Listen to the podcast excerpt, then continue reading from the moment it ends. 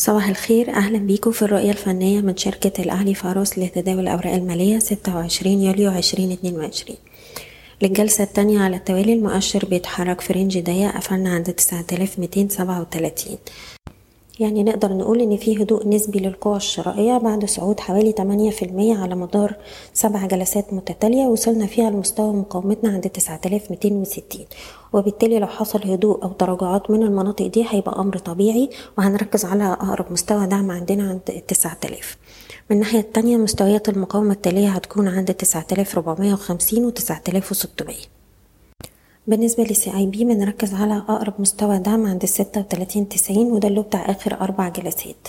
نقدر نحتفظ فوق المستوى ده وطول ما إحنا فوقيه هيبقى عندنا مقاومات عند التمانية وتلاتين والتسعة وتلاتين جنيه. من الناحية التانية كسر الستة وتلاتين تسعين لأسفل هيبقى الدعم التالي حوالين الخمسة وتلاتين ونص. بالنسبة لسهم النساجون الناس اللي معاها السهم تقدر تحتفظ طول ما هو محافظ على مستوى الستة جنيه وتلاتين قرش. عندنا مقاومة عند الستة جنيه خمسة وسبعين اختراقها يفتح الطريق لحد السبعة والسبعة جنيه خمسة وتلاتين. العربية حليج شايفين السهم بيستهدف جنيه سبعين جنيه تلاتة وتمانين أي تراجع للسهم فرص للشراء وأقرب دعم عند الجنيه تمانية وخمسين. مصر لصناعة الكيماويات السهم بيختبر مستوى مقاومة مهمة عند العشرة جنيه وأربعين قرش.